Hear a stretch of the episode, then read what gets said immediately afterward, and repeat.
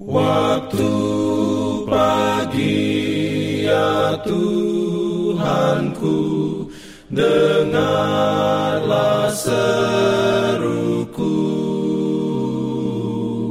Melayang doa yang sungguh Memandang padamu. Selamat pagi pendengar Radio Advent Suara Pengharapan Mari mendengarkan suara Tuhan melalui tulisan pena inspirasi menjadi putra dan putri Allah. Renungan harian 21 Desember dengan judul Kita menerima mahkota kehidupan. Ayat inti diambil dari Yakobus 1 ayat 12. Firman Tuhan berbunyi, Berbahagialah orang yang bertahan dalam pencobaan, Sebab apabila ia sudah tahan uji, ia akan menerima mahkota kehidupan yang dijanjikan Allah kepada barang siapa yang mengasihi dia.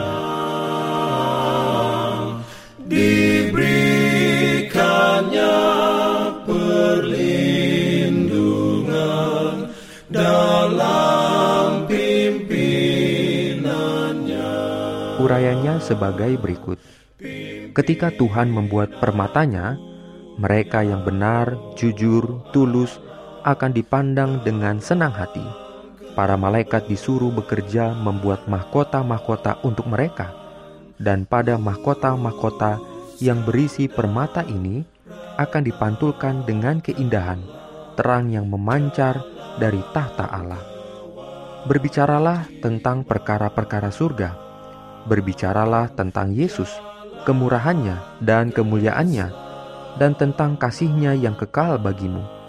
Dan hendaklah hatimu mengalir dalam kasih dan syukur kepada dia yang telah mati menyelamatkanmu. Oh bersedialah bertemu dengan Tuhanmu dalam damai.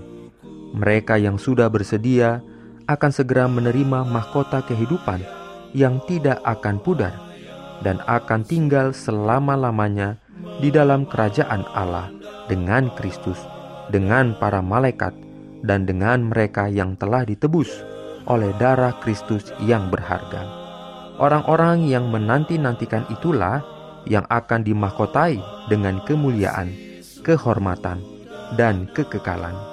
Anda tidak perlu membicarakan kehormatan dunia ini atau pujian mengenai tokoh dunia yang termasyur. Mereka itu semuanya kesia-siaan. Coba biarkan jari Tuhan menyentuh mereka dan mereka akan segera kembali menjadi debu.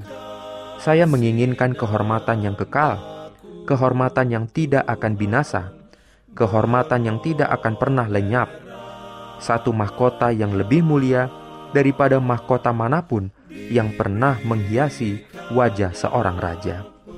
Pada hari itu, mereka yang ditebus akan bersinar dalam kemuliaan Bapa dan Anaknya malaikat-malaikat surga yang memetik kecapi emasnya akan menyambut raja, dan mereka yang adalah piala kemenangannya, mereka yang telah dibasuh dan dibersihkan dalam darah anak domba itu. Suatu nyanyian kemenangan akan bergema, memenuhi segenap surga. Kristus telah menang, dia masuk ke dalam istana surga, disertai mereka yang ditebusnya yaitu para saksi yang mengetahui misi penderitaan dan pengorbanan dirinya yang tidak sia-sia. Amin. Pimpin aku ya roh Allah dalam kebenaran.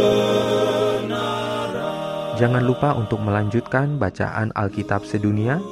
Percayalah kepada nabi-nabinya yang untuk hari ini melanjutkan dari buku 3 Yohanes pasal 1. Selamat beraktivitas hari ini.